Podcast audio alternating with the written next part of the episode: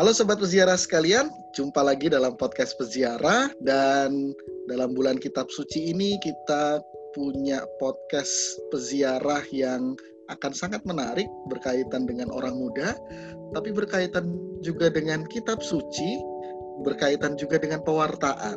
Dan topik kita kali ini adalah tentang ziarah pewarta muda. Ya, ziarah pewarta muda dan sudah bergabung dengan kita seorang pewarta muda yang akan sangat menarik tentunya digali lebih jauh bagaimana uh, perjalanan hidupnya gitu ya. Tapi sebelumnya seperti biasa mari kita awali dulu dengan doa. Mari kita siapkan hati untuk berdoa. Dalam nama Bapa dan Putra dan Roh Kudus. Amin. Datanglah ya Roh Kudus, penuhilah hati umatmu dan nyalakanlah di dalamnya api cintamu utuslah rohmu, maka segala sesuatu akan diciptakan lagi, dan engkau akan membaharui muka bumi.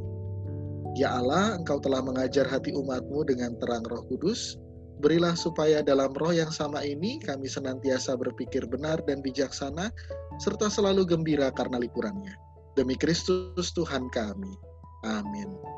Ya, sobat peziarah sekalian, sebelum kita melanjutkan podcast peziarah kita, kami ingatkan kembali untuk tidak lupa like, comment, dan subscribe YouTube Peziarah Katolik supaya teman-teman bisa berbagi dengan teman-teman yang lainnya dan untuk bisa update, jangan lupa juga mungkin hidupkan lonceng notifikasinya. Nah, kembali kepada tema podcast kita kali ini, kita akan ngobrol dengan seorang pewarta muda dengan tajuk Ziarah Pewarta Muda dan sudah bergabung bersama kita seorang pewarta dan pengajar kepemudaan dari BPK PKK KAJ. Apa itu BPK PKK KAJ? Mungkin nanti sekalian kita tanya eh, kepada yang bersangkutan. Nah, kita perkenalkan dulu narasumber kita kali ini, Elvindes Kapitsa. Apa kabar, Vindes? Halo, Halo. Kabar baik, puji Tuhan. Kamu apa kabar? Sehat-sehat ya. Sehat ya. Fani dan Joska juga sehat ya? Ya, puji Tuhan sehat semua. Iya. Ya, Vindes seperti tema kali ini kita akan bertanya-tanya mengenai perjalanan Vindes sebagai seorang pewarta muda gitu ya. Kira-kira berat nggak sih punya titel pewarta gitu? Dan sebetulnya dulu bagaimana jalannya bisa sampai pada tahap menjadi pewarta seperti sekarang ini, Vindes? Oke, uh, sebelumnya saya harus menyapa teman-teman OMK dulu nih, ya. Shalom teman-teman OMK. Saya Elvindes Kapitsa. Tadi sudah sempat disebut namanya oleh Bro Willem. Saya itu dari kepemudaan BPK PKKKJ saat ini sebagai seorang pewarta dan juga pengajar. Nah, tadi Bro Willem tanya kan, apa sih itu BPK PKKAJ? Tampak asing ya di telinga kita. BPK PKKAJ adalah singkatan dari Badan Pelayanan Keuskupan Pembaruan Karismatik Katolik Keuskupan Agung Jakarta. Dan saat ini eh, saya juga eh, dipercayakan oleh eh, tugas eh, dari Tuhan lah ya sebagai koordinator dari Forum Komunikasi Pewarta Mimbar dan juga Forum Komunikasi Pengajar Pembinaan. Saya tadi e, menyebutnya tugas karena bagi saya ini adalah sebuah kesempatan saya untuk boleh e, sedikit ambil bagian dalam tugas karya keselamatan yang sudah Tuhan Yesus berikan. Nah, tadi Bro Willem kan tanya nih, Bro, mengenai uh, apa tadi ya yang pertama? Tantangan ya tantangan sebagai pewarta muda gitu ya kesulitan dan sebagainya. Sebenarnya uh, sampai saat ini saya juga masih terus belajar terutama uh, bagi saya tantangan terbesar itu adalah bukan hanya menjadi pendengar dan juga pewarta firman tetapi menjadi pelaku firman nah ini tantangan terbesarnya kalau dalam bahasa saya itu menghidupi apa yang dikotbahkan dan kotbahkan apa yang aku hidupi. Nah, ini ya. Jadi tantangannya di situ, teman-teman semua.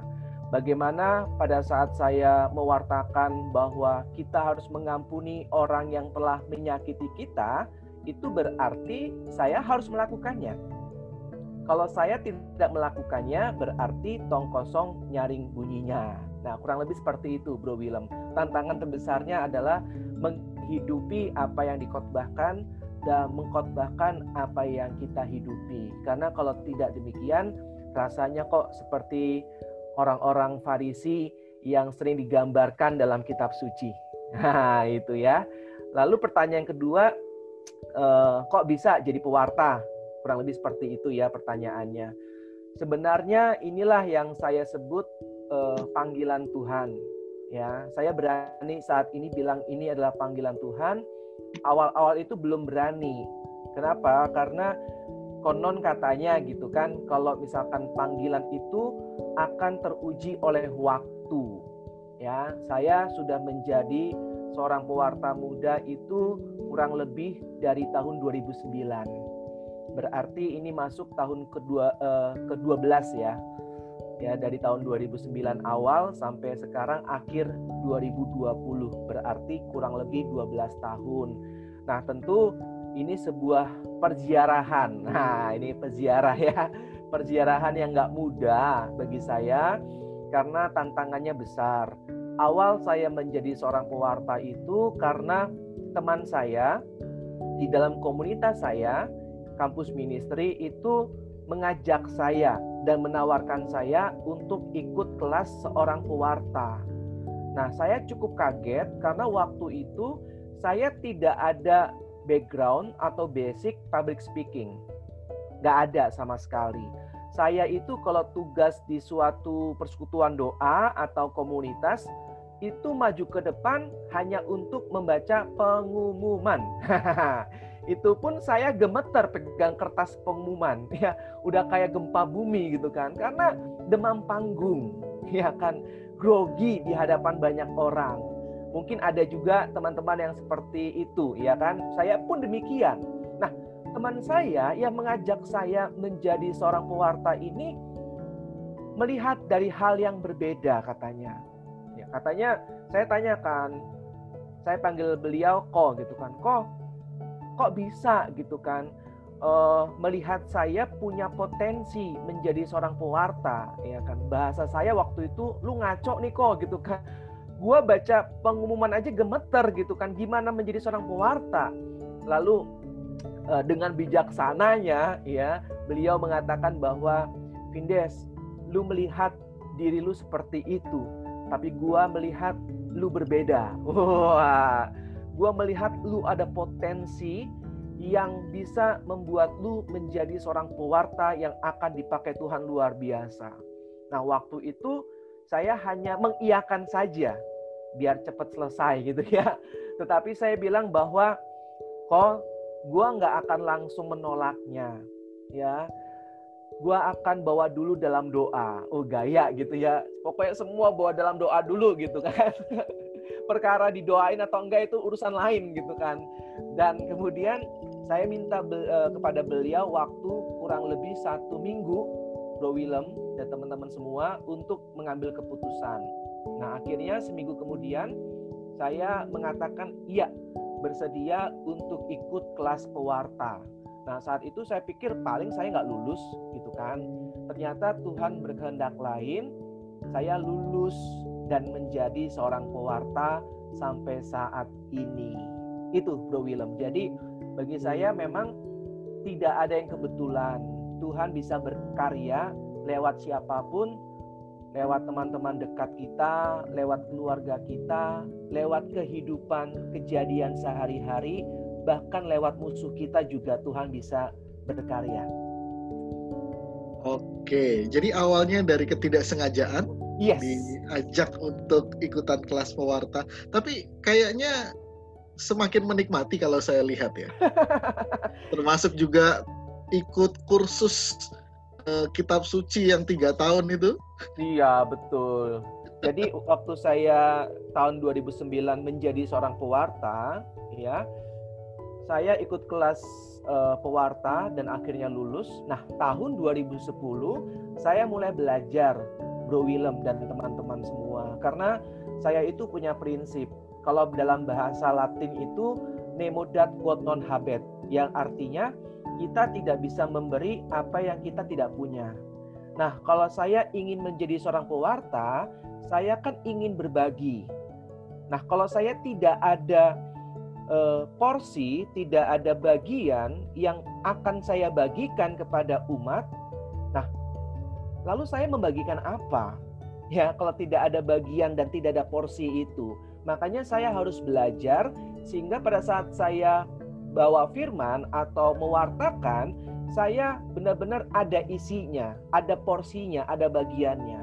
Makanya dari tahun 2010 bahkan sampai sekarang kurang lebih 10 tahun saya juga masih tetap belajar.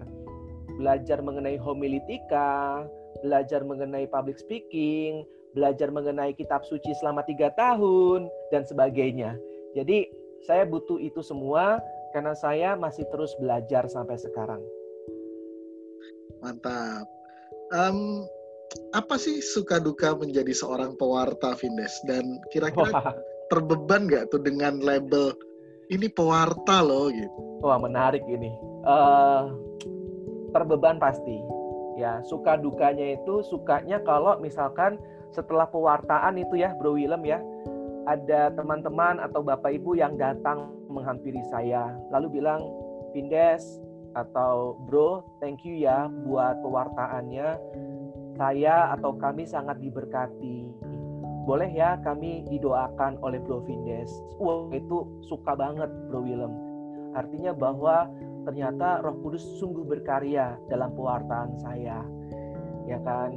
Memberkati umat dan dengan demikian saya juga diberkati oleh mereka. Lalu eh, dukanya adalah banyak sebenarnya ya kan, tetapi salah satunya adalah kalau setiap kali e, mau mewartakan itu banyak sekali yang tidak on time. Nah, ini saya sedih sih kenapa kok kita umat Katolik banyak yang tidak disiplin. 70% itu tidak on time. Ya kan? Jadi e, sedih karena kita kan harusnya belajar ya untuk menghargai waktu yang sudah Tuhan berikan. Apalagi kalau misalkan pewarta sudah datang dari jauh-jauh gitu kan. Bukan hanya saya tetapi banyak pewarta yang datang dari jauh sudah datang tepat waktu tetapi persekutuan doa atau komunitas itu tidak on time. Nah ini yang membuat kami para pewarta itu sering merasakan sedih gitu. Seakan-akan kok tidak menghargai waktu yang sudah Tuhan kasih itu bro sih jadi persoalannya lebih kepada uh, audiens yang kurang menghargai waktu gitu ya. Iya, bukan audiens sih, lebih iya. tepatnya mungkin penyelenggara ya. Ah, nah, kalau audiens itu ada beberapa yang sebelum waktu mulai, ya, itu sudah hadir, itu juga banyak oh. mereka. Iya, misalkan di flyer jam 7 malam, mereka sudah hadir ya. jam jam setengah tujuh atau jam 7 kurang 10, mereka sudah ada di ruangan itu. Tapi yang terjadi di flyer jam 7 malam, persekutuan doa atau komunitas itu mulai uh, menyanyi-nyanyi, mulai pujian, penyembahan jam setengah delapan. Nah ini yang sangat apa ya, sangat menyedihkan sebenarnya karena kan umat berharap on time kan, jam 7 ya jam 7 gitu. Tapi tidak semua kok. Kurang lebih uh, menurut hemat saya 70 persen. Cukup banyak ya. Nah, jalan hidup atau ziarah sebagai pewarta muda ini sudah membawa Vindes sampai ke mana aja nih Vindes? Ini bukan berarti soal soal tempat saja ya, tapi mungkin dalam peziarahan batin tempat juga boleh. Bagus ini, ini bagus. Eh, teman-teman uh, dan Bro Willem, banyak orang yang berpikir bahwa pada saat ada yang mengajak kita untuk terjun dalam pelayanan, sering kali kita itu merasa tidak pantas dan tidak layak. Ya, jangan saya, saya masih belum siap, masih banyak dosanya, ya kan? Masih belum layak, masih belum pantas. Willem aja tuh, Willem keren. Ya, dia kudus, dia role model orang muda yang hidupnya benar-benar suci dan sebagainya gitu kan. Seringkali kita mengalami yang namanya ketidakpantasan dan ketidaklayakan nggak apa-apa, itu hal yang sangat wajar dan sangat manusiawi. Tetapi akan menjadi salah kalau kita terkungkung dalam mindset atau cara berpikir demikian. Tentu Tuhan tidak mau kita punya cara berpikir yang seperti itu. Tuhan mau kita mampu untuk bangkit dan kita mau berusaha berziarah untuk lebih baik hari demi hari. Tentunya menurut hemat saya dengan pelayanan kita belajar untuk menjadi lebih baik. Jadi jangan dibalik teman-teman. Jangan kita merasa tidak layak lalu kita tidak mau pelayanan. Justru dengan pelayanan Tuhan sudah melayakkan kita dan dalam pelayanan itulah kita bisa belajar lebih baik secara karakter. Tuhan mendewasakan kita dalam setiap karya pelayanan kita. Percaya deh. Jadi uh, kalau tadi ditanya bagaimana peziarahan batin saya dalam perjalanan pewartaan saya itu sangat banyak Bro Willem ya saya itu banyak dibentuk secara karakter dalam perziarahan saya menjadi seorang pewarta di awal saya bilang saya harus mengkhotbahkan apa yang saya hidupi dan menghidupi apa yang saya khotbahkan itu prinsip saya jadi pada saat saya berani mewartakan Contohnya tadi soal pengampunan, yang tadinya saya sulit untuk mengampuni, akhirnya saya harus belajar untuk mengampuni. Tentu ini bukan perkara yang mudah. Ya. Karena kan kalau orang bijak bilang apa? Cinta mencapai kesempurnaannya dalam pengampunan. Itulah kenapa di atas bukit Golgota, di atas puncak Kalvari, di atas salibnya, Yesus mengatakan, "Ya Bapa, ampunilah mereka sebab mereka tidak tahu apa yang mereka lakukan." Karena puncak dari mencintai adalah pengampunan. Nah, itu jadi saya belajarlah apa yang saya khotbahkan harus saya hidupi. Sehingga pada saat saya mewartakan ada kuasa, nggak tong kosong nyaring bunyinya. Dan itu sampai sekarang saya masih terus belajar. Ya jatuh bangun, nggak mudah memang. Itu Bro Willem. Baik, keren banget nih kisah peziarahannya. Adakah momen-momen yang tidak pernah bisa dilupakan dalam peziarahan sebagai seorang pewarta muda, Indes? Banyak ya. Salah satu yang paling berkesan itu tahun 2012. Jadi itu adalah tahun ketiga saya menjadi seorang pewarta. Nah, saya itu selalu ingat eh, omongan seorang teman yang bilang, kalau kita dipercaya Tuhan dalam pelayanan dengan tanggung jawab yang lebih besar dan semakin besar, maka akar harus semakin kuat karena angin semakin kencang. Ya, seperti pohon yang semakin tinggi, angin semakin kencang akan tumbang kalau tidak punya akar yang kuat. Saya ingat omongan teman saya itu dan saya belajar bahwa saya harus punya kehidupan doa, kehidupan firman, ekaristi, dan juga ini eksamen, pemeriksaan batin yang kuat. Sehingga pada saat sewaktu-waktu angin itu begitu kencang, saya sudah punya akar yang kuat.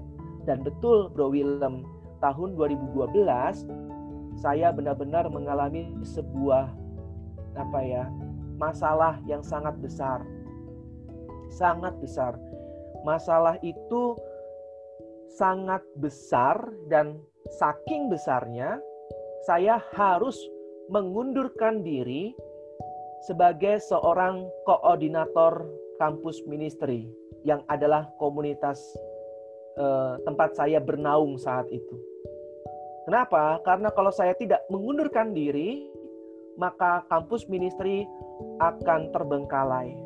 Dan saya belajar untuk tidak mau menjadi seorang yang egois. Akhirnya saya minta teman saya untuk menggantikan saya agar saya fokus dengan masalah saya. Nah, itu sebuah tantangan yang sangat besar. Waktu itu saya sempat untuk mau mengundurkan diri menjadi seorang pewarta dan juga pengajar. Saya sharing dengan rekan saya, dengan teman saya, dan teman saya mengingatkan saya, bro, ingat pohon semakin tinggi, angin semakin kencang. Jadi kalau kamu bisa bertahan, bertahan saja. minta rahmat dari Tuhan, Tuhan akan bantu dan Tuhan akan tolong. Nah, saat itu saya benar-benar percaya akan kuasa Tuhan dan saya percaya bahwa Tuhan akan menolong saya dengan caranya. Ya, masalah itu sampai sekarang belum selesai. Belum selesai. Tetapi saya diubahkan oleh Tuhan dengan cara berpikir saya yang diubahkan. Bahwa masalah itu bukanlah sebuah halangan, tapi tantangan saya untuk mengampuni. Ya, tantangan saya untuk benar-benar percaya akan kuasa Tuhan. Karena saya percaya di balik salib ada kemuliaan. Di balik penderitaan ada kemenangan. Kalau bahasa eh, Katoliknya nih ya, no Pentecost without cost. Nah ya, tidak ada Pentakosta tanpa harga yang harus dibayar. Jadi kalau kita siap bangkit bersama dengan Yesus, kita harus siap menderita bersama dengan Yesus. Nah, jadikan ini sebagai apa ya? Bagi saya salib ya yang terbaik yang harus saya pikul sampai saat ini. Salib itu bukan hanya lambang penderitaan, tapi di balik salib ada cara berpikir yang baru. Ya, seperti eh, kalau sekarang kan sudah menjadi santo ya, Santo Longinus nih Bro Willem yang seorang sedadu Romawi yang menusuk ya lambung Yesus kan untuk memastikan Yesus sudah wafat atau belum. Sekarang kan uh, beliau sudah menjadi seorang kudus Santo Longinus kan. Ya, pada saat beliau memandang salib, ya kan, itu artinya apa? Ada cara berpikir yang baru. Sungguh ya, orang ini adalah anak Allah atau putra Allah. Jadi salib itu memang betul lambang penderitaan, tapi jangan sampai kita berpikir setiap kita menderita kita harus memikul salib. Itu salah. Tapi setiap kita menderita, coba kita refleksi, cari tahu ada cara berpikir baru apa yang mau Tuhan sampaikan. Ada nilai-nilai baru apa yang mau Tuhan sampaikan. Itulah makna salib buat saya, makna penderitaan. Luar biasa. Ini kita dapat warta gratis ini hari ini.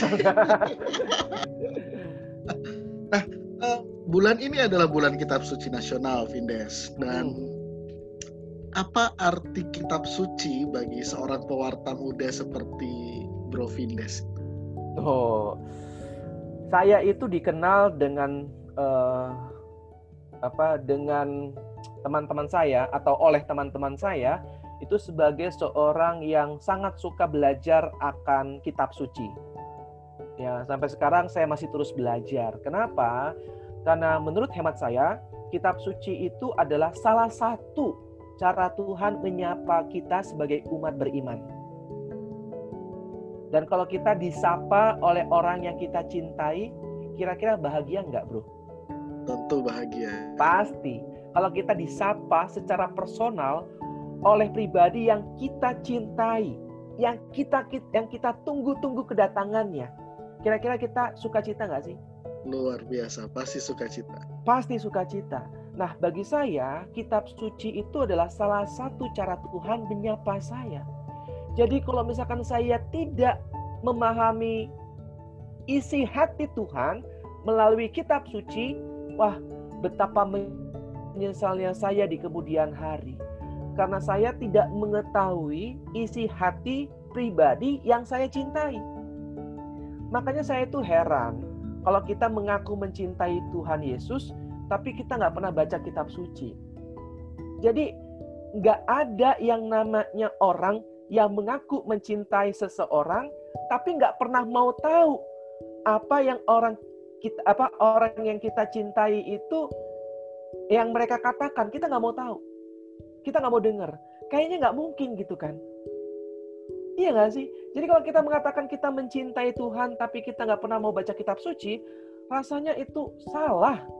Makanya Santo Hieronymus bilang apa? Tak mengenal kitab suci, maka tak mengenal Kristus. Iya kan? Jadi kalau kita mengatakan saya mengenal Kristus, tapi saya nggak pernah baca kitab suci. Lah gimana bisa gitu kan? Saya mencintai Kristus, tapi saya nggak pernah baca kitab suci. Lah gimana bisa gitu kan? Mother Teresa bilang apa? No communication, no relation. No relation, no love. Tidak ada komunikasi, maka tidak ada relasi. Tidak ada relasi, maka tidak akan ada cinta. Bagaimana mungkin kita bisa mencintai Tuhan kalau kita nggak pernah baca kitab suci. Gak pernah bangun komunikasi, gak pernah bangun relasi. Gak mungkin kita mencintai Tuhan. Itu bro. Jadi bagi saya kitab suci itu salah satu sarana buat saya merasakan cinta Tuhan. Karena dengan membaca kitab suci, saya merasa Tuhan menyapa saya secara personal dan di situlah saya merasakan damai dan sukacita. Luar biasa. Nah, gitu. ini terkait dengan jawaban Bro Vindes tadi yang terakhir, kira-kira bagaimana uh, tips dari Bro Vindes untuk sobat peziarah semua untuk mencintai kitab suci itu? Oke, bagus nih pertanyaannya. Teman-teman, uh, saya bukan ahli kitab suci, tentu jauh dari kata ahli. Namun bagi saya, kitab suci itu merupakan salah satu bagian terpenting dalam perjalanan atau perziarahan kehidupan rohani saya. Istri saya tahu banget, saya begitu mencintai kitab suci. Buku-buku saya 90% itu mengenai tafsir kitab suci. Ya.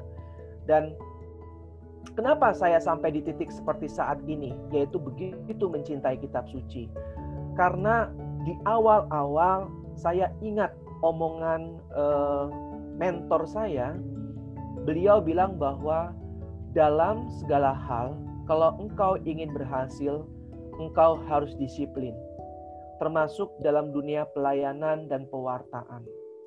Jadi, pada saat itu saya berpikir, saya mau berhasil dalam dunia pelayanan dan pewartaan. Sehingga saya harus disiplin membaca kitab suci. Nah, awal-awal Bro Willem, teman-teman, yang namanya mengubah kebiasaan itu nggak gampang ya kebiasaan itu kan akan menjadi karakter karakter itu akan menjadi budaya ya kan nah kalau kita benar-benar ingin mengubah kebiasaan kita diperlukan disiplin ya kalau dalam bahasa spiritualitas Ignasian itu disebut dengan ajere kontra ya tentu Bro Willem pernah mendengar ini Artinya apa? Melawan kebalikannya. Yang tadinya kita nggak pernah baca kitab suci, lawan kebalikannya. Dengan disiplinkan diri, baca kitab suci. Minimal satu hari, misalkan 30 menit. Jadi ajere kontra teman-teman. Lawan dengan kebalikannya. Nah kalau itu kita sudah lakukan dengan penuh kedisiplinan, saya percaya kita akan semakin mencintai kitab suci karena kita menemukan sesuatu yang berharga. Seperti kita makan di sebuah restoran, ya, dan kita awalnya nggak mau makan di restoran itu, karena kita nggak pernah masuk ke restoran itu dan merasa bahwa restoran itu nggak enak makanannya. Tapi setelah kita masuk dan ternyata waktu kita makan rasanya enak banget, tanpa diminta kita akan makan di restoran itu lagi. Demikian juga dengan membaca kitab suci mungkin awal kita ah membaca kitab suci itu sulit ya karena katanya konon ya Bro Willem memahami isi kitab suci itu sama sulitnya dengan memahami isi hati perempuan ya kan konon katanya seperti itu tetapi ternyata salah kalau kita sudah mau terbuka belajar perhatikan ini Tuhan akan memberikan hikmatnya Nah, sering kali kita lupa dan tidak memperhatikan ini. Tuhan memberikan rahmat dan hikmatnya sehingga kita dimampukan untuk memahami isi kitab suci dengan baik dan kemudian kita akan mengalami yang namanya damai dan sukacita tadi. Dan dari situlah kita akan merasa bahwa ternyata kitab suci ini merupakan sapaan Tuhan yang luar biasa, yang sayang untuk dilewatkan. Itu bro bilang kurang lebih. Luar biasa. Terima kasih banyak kita sudah diberkati dengan sharing yang luar biasa. dari Bro Vindes tentang peziarahannya sebagai seorang pewarta muda gitu ya. Semoga ziarah seorang Bro Vindes sebagai pewarta muda ini memberkati kita semua Amin. dan mudah-mudahan semakin banyak lagi nanti pewarta-pewarta muda untuk gereja Amin. kita ya. Amin. Baik, mari kita akhiri jumpa kita kali ini dengan memuliakan Tuhan, kemuliaan kepada Bapa dan Putra dan Roh Kudus, seperti pada permulaan, sekarang selalu, dan sepanjang segala abad. Amin. Dalam nama Bapa dan Putra dan Roh Kudus. Amin. Ya sobat peziarah sekalian, jangan lupa like, comment, dan subscribe YouTube Peziarah Katolik. Dan jangan lupa juga menghidupkan lonceng notifikasinya. Kita jumpa lagi dalam podcast peziarah berikutnya. Sampai jumpa.